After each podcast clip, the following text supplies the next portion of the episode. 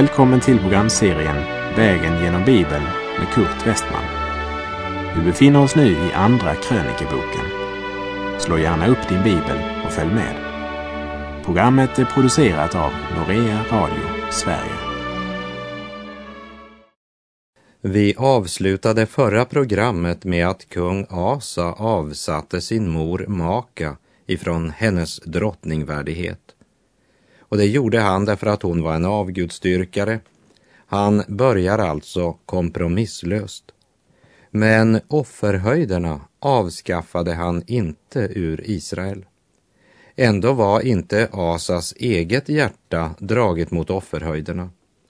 Men med tiden vill det visa sig att han å ena sidan var hängiven Herren, men när riket blev tryggat så börjar han lita på yttre förhållanden och mänsklig styrka. Det skedde ett andligt uppvaknande i Juda under Asas regering. Men Asa vandrade själv bara delvis med Herren, som vi kommer att upptäcka i det här kapitlet. För vi har nu kommit till Andra krönikerbokens sextonde kapitel. Vi har i tidigare verser sett att några ifrån Nordriket flyttade till Juda eftersom de såg den väckelse som var i Juda. De såg att Herren Gud var med kung Asa. Men Baesa ville inte att folket i Nordriket skulle gå över till Juda kung. Han ville behålla dem i sitt eget rike och därför belägrar han Rama. Vi läser i Andra krönikerbok 16, vers 1 till och med 3. I Asas 36 regeringsår drog Baesa, Israels kung, upp mot Juda och börjar befästa Rama för att hindra att någon kom vare sig från eller till Asa, Judas kung. Då tog Asa silver och guld ur skattkamrarna i Herrens hus och i kungshuset och sände det till Ben-Hadad, kungen i Aram, som bodde i Damaskus och lät säga ett förbund består ju mellan mig och dig, som det var mellan min fader och din fader. Se, här sänder jag dig silver och guld så bryt då ditt förbund med Baesa, Israels kung, för att han må lämna mig i fred.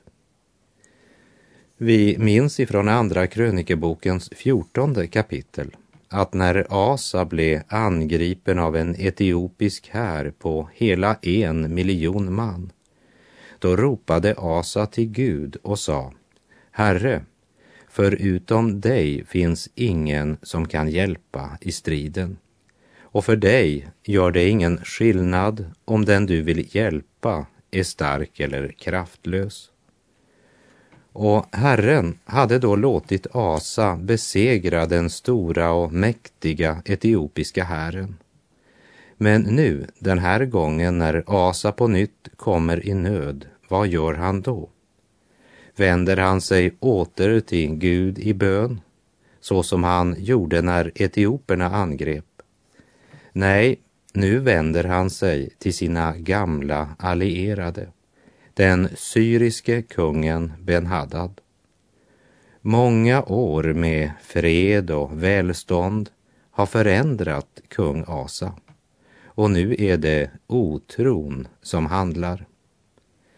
Att säga att man tror på Gud och upprätthålla yttre ceremonier och ritual är en sak. Men att verkligen förtrösta på honom och endast på honom i nödens stund, det är något annat.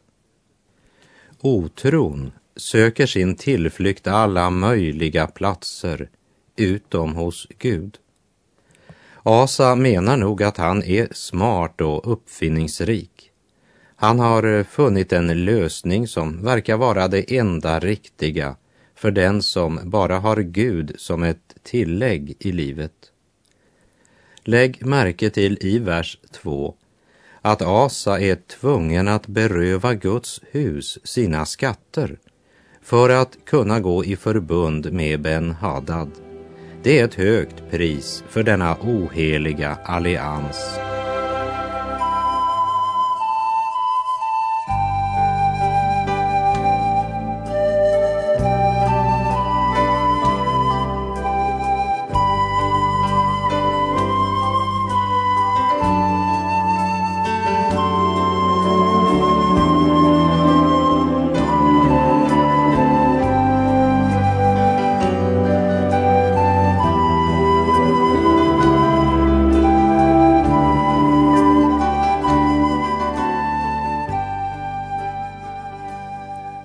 Vi läser där i vers 4. Och Ben-Hadad lyssnade till kung Asa och sände sina krigshövitsmän mot Israels städer och de härjade Ijon, Dan och Abel-Maim samt alla förrådshus i Naftalis städer. Syriens eller Arams kung ger snabbt sitt svar han sänder sina soldater mot Israels städer och vi läser vers 5 och 6. När Baesa hörde detta avstod han från att befästa Rama och lät sina arbeten där upphöra. Men kung Asa tog med sig hela Juda och det förde bort från Rama stenar och trävirke som Baesa använde för att befästa det med det befäste han så Geba och Mispa. Mänskligt sett hade Asa gjort ett smart drag. Men Gud har något att säga till den till synes så framgångsrike kungen i Juda. Vi läser verserna 7 till och med 9. Vid samma tid kom siaren Hanani till Asa, Judas kung, och sade till honom, eftersom du förlitade dig på kungen i Aram och inte förtröstade på Herren, din Gud. Därför har den arameiske kungens här sluppit undan din hand. Var inte etiopierna och libyerna en väldig här med vagnar och ryttare i stor mängd? Men därför att du då förtröstade på Herren gav han dem i din hand. Ty Herrens ögon sveper över hela jorden för att han med sin kraft ska bistå dem som med sina hjärtan hänger sig åt honom. I detta har du handlat dåraktigt. Därför ska du härefter ha ständiga strider. Varför tar Gud på det här avsättet avstånd från kung Asa? Varför dömer Gud nu kungen på det här sättet? Jo, det sker på grund av att kungen saknar tro. Den tredje bron vi måste vandra över på väckelsens väg är tro på Gud. Inte tro på metoder eller på vissa personer eller ett visst kyrkosamfund eller ett bestämt system eller en organisation, utan tro på Gud. När Baesa kom för att angripa Juda, vilket ju faktiskt var en form för inbördeskrig, eftersom Benjamin och Juda ju var två av Israels totalt tolv stammar.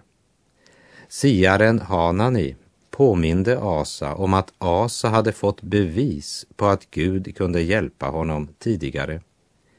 Tänk tillbaka på etioperna och libyerna med sina väldiga herrar som hotade Juda den gången. Men därför att du då förtröstade på Herren gav han dem i din hand.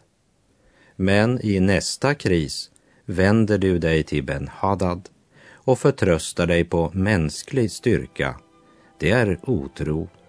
Du har vänt ansiktet mot Ben-Hadad och därmed ryggen mot Gud.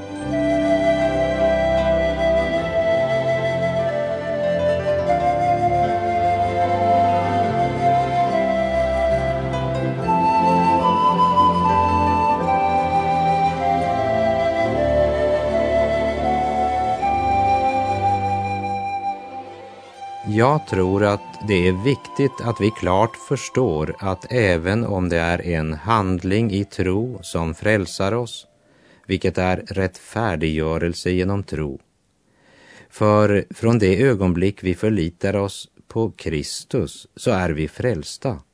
Men livet slutar inte med frälsningen. Men då ska vi börja leva i tro. Till de troende i Rom så skrev Paulus i Romarbrevet 1 kapitel 16 och 17. Jag skäms inte för evangelium. Det är en Guds kraft som frälsar var och en som tror. Först juden och sedan greken. Rättfärdighet från Gud uppenbaras i evangelium av tro till tro, som det står skrivet. Den rättfärdige skall leva av tro. Det vill säga, vi blir frälsta av tro och vi ska leva i tro.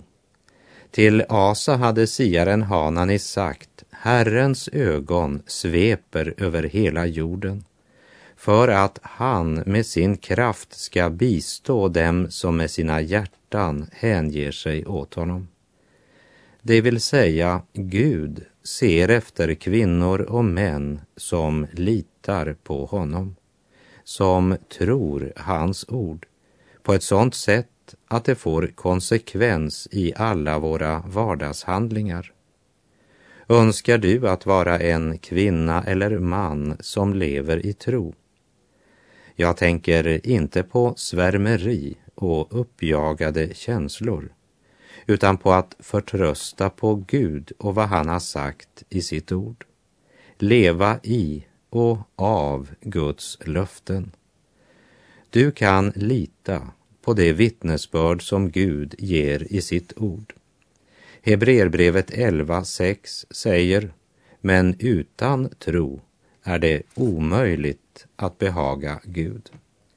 Hebreerbrevet säger också att när vi alltså har en så stor sky av vittnen omkring oss, låt oss då lägga bort allt som tynger och särskilt synden som snärjer oss så hårt. Otron är en farlig synd som öppnar vägen för många andra synder. Låt oss inte bara bli frälsta av tro, men låt oss dagligen leva i tro.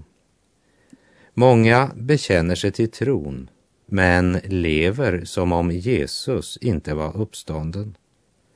I Romarbrevet 5, vers 10 står det. Ty om vi, medan vi var Guds fiender, blev försonade med Gud genom hans sons död, hur mycket säkrare ska vi då inte bli frälsta genom hans liv när vi nu är försonade? Låt oss se vad som sker när siaren Hanani konfronterar kung Asa med Guds budskap som säger att kungen handlat dåraktigt. Vänder han om och bekänner eller Ja, låt oss läsa Andra krönikebok 16, vers 10. Men Asa blev förtörnad på siaren och satte honom i stockhuset. Så förbittrad var han på honom för vad han hade sagt. Vid samma tid handlade Asa också våldsamt mot andra av folket. Det är otroligt. Han godtar inte att Gud förkastar hans handlingar. Varför? Helt enkelt därför att han ville inte tro det. Att man en gång tog ett steg i tro är ingen garanti för framtiden om man inte fortsätter och lever i tro.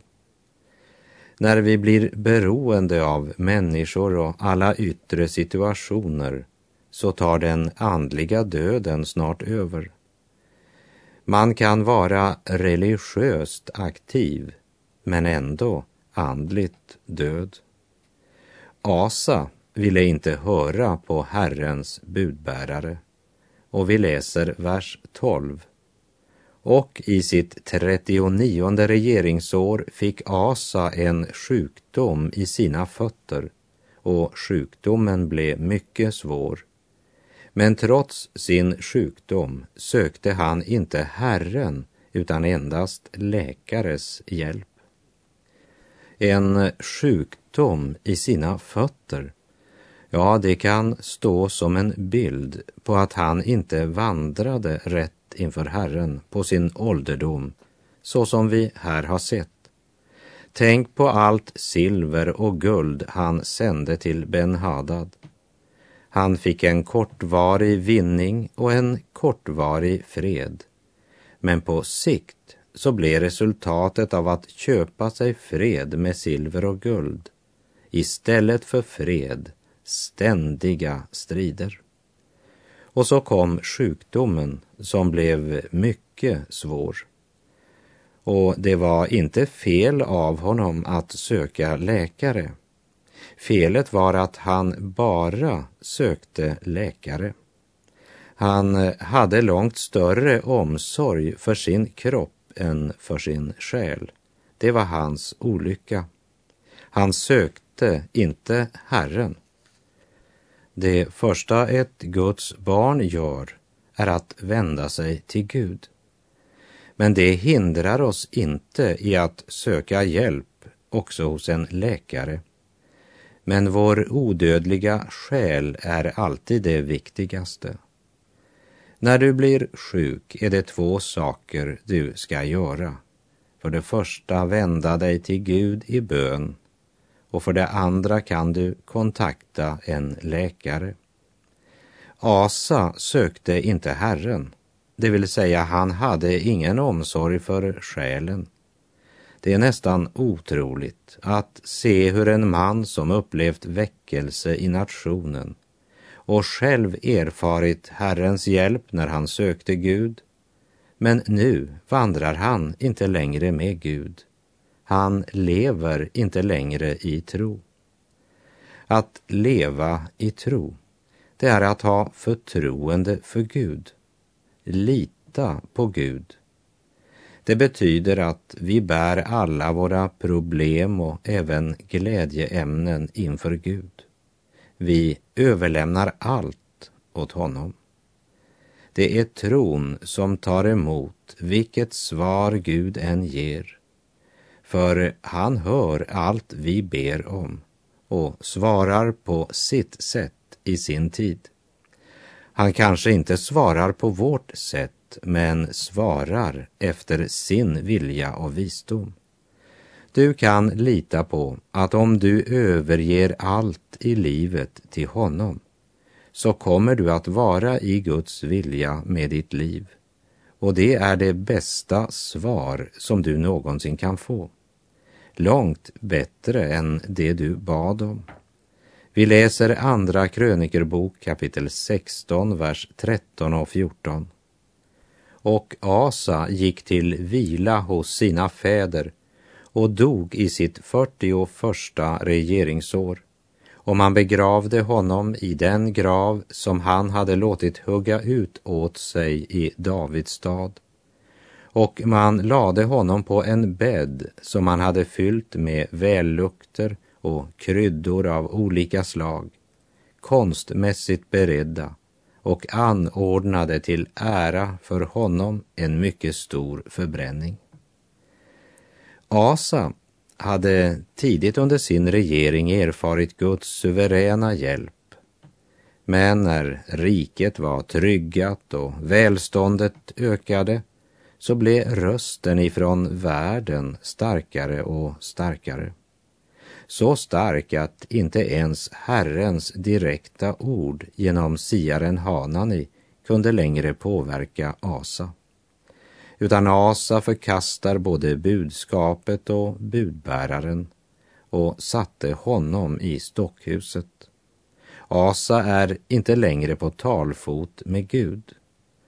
Det var ingen andlig vandring längre och drabbad av svår sjukdom i fötterna går det mot slutet också för den jordiska vandringen. Han börjar sin regeringstid med att vandra med Gud. Men han förändrade kurs när hans rike blev tryggat. Men även om han bara delvis vandrade med Gud så använde Gud ändå Asa till en period med uppvaknande i Juda.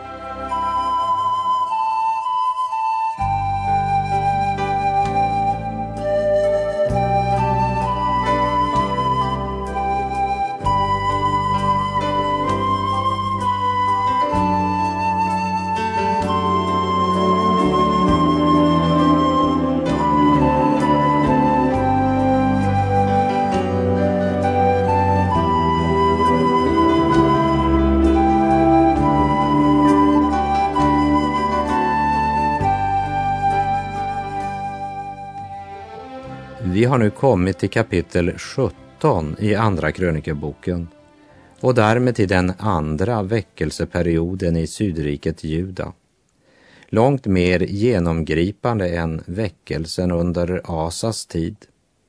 Asas son Josafat blev ett mäktigt Guds redskap och vi ska följa honom genom hela fyra kapitel. Kom ihåg att krönikerböckerna ger oss historien från Guds perspektiv och återger det